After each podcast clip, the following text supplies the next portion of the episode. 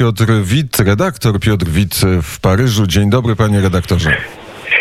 Dzień dobry panie prezesie. No, chciałbym nawiązać do wypowiedzi redaktora Karnowskiego na temat pańskiej fryzury. Niestety nie widzę pana w telewizorze, nie widziałem, ale domyślam się, że fryzura jest obfita. Największą w Polsce miał znakomity polityk i jeszcze większy pianista e, Paderewski. I przypominam sobie taką zieloną gęś Gałczyńskiego.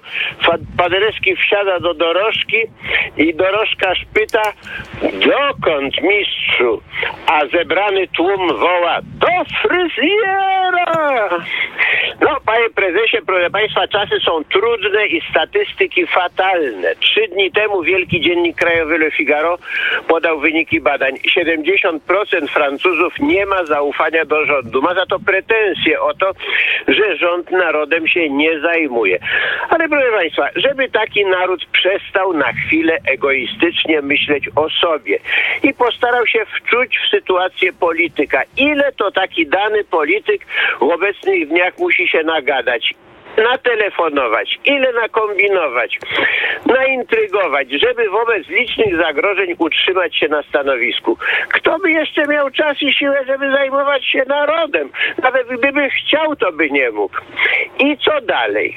W niedzielę 10 maja w bardzo słuchanym radiu e, Europę wystąpiły dwa tenory francuskiej myśli ekonomiczno-politycznej. Alain Menck zapewnia, że ekonomia będzie jak dawniej i wypowiada życzenie, aby Ameryka jak najprędzej skończyła z Trumpem i powróciła prawdziwa, demokratyczna Ameryka Obamy.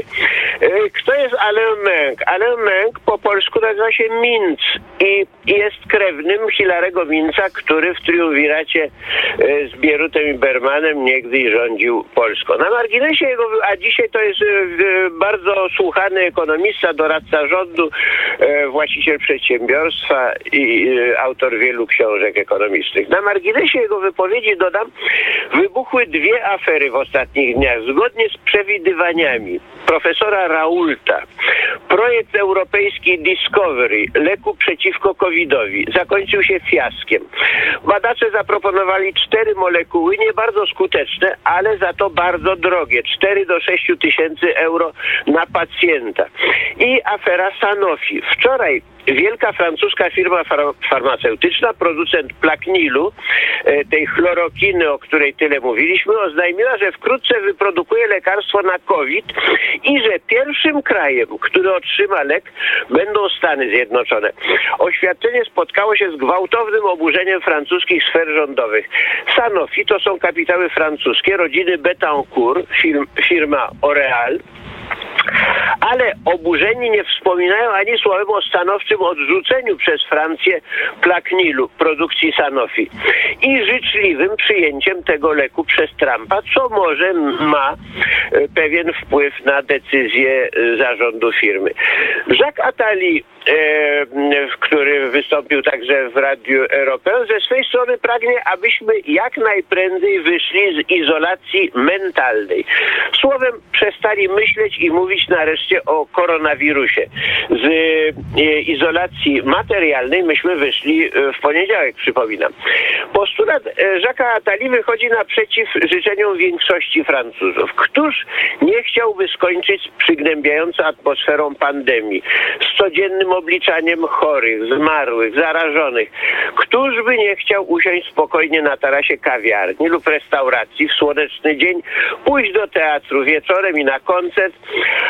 Attali, ideolog i podpora rządów socjalistycznych od czasów Mitterranda, a zwłaszcza obecnego rządu, ważny element systemu bankowo-ideologicznego u władzy, wbrew pozorom nie wysuwa postulatu psychologicznego, lecz polityczny.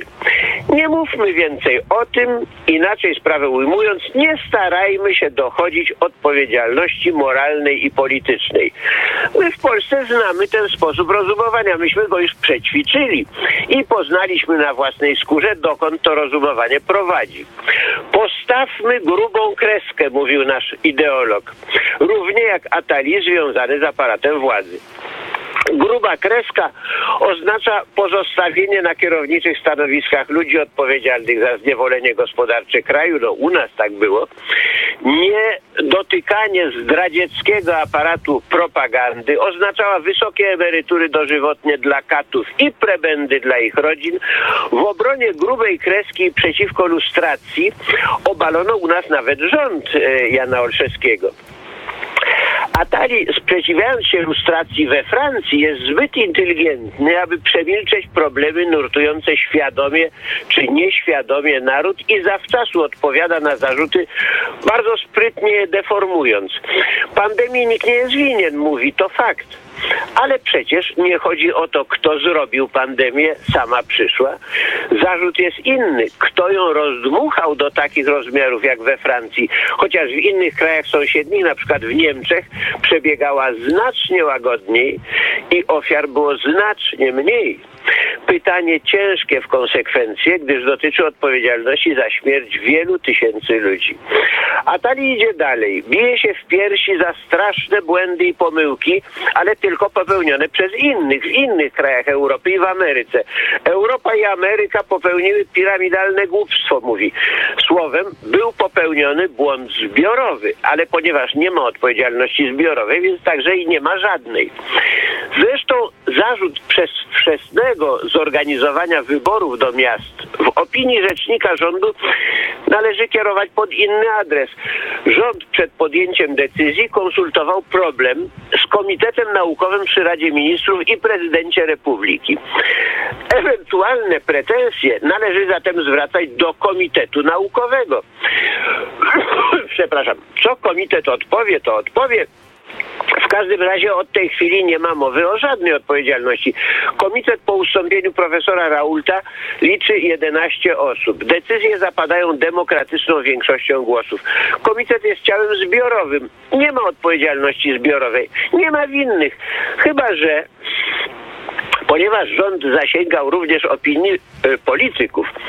Z przecieków wiadomo, że przewodniczący Senatu był za wyborami. Zdanie Gerarda Larchera przeszło do historii. Można iść do sklepu, to można iść na wybory. Podobne stanowisko zajął przewodniczący Rady Państwa Laurent Fabius, który trwale zapisał się w historii Republiki aferą zatrutej krwi. Tak czy inaczej, to nie my, to oni.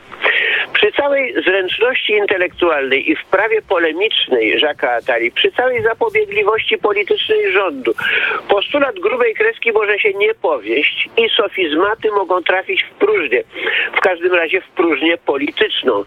Jesteśmy w innym kraju i w innych warunkach niż Polska w dobie przełomu.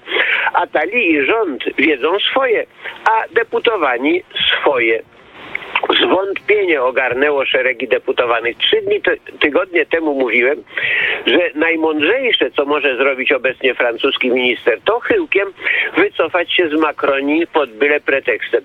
Już się zaczęło. Na razie defetyzm wkradł się w zastępy partyjne. W sobotę 9 maja 50 deputowanych makroniarzy opuściło partię rządzącą.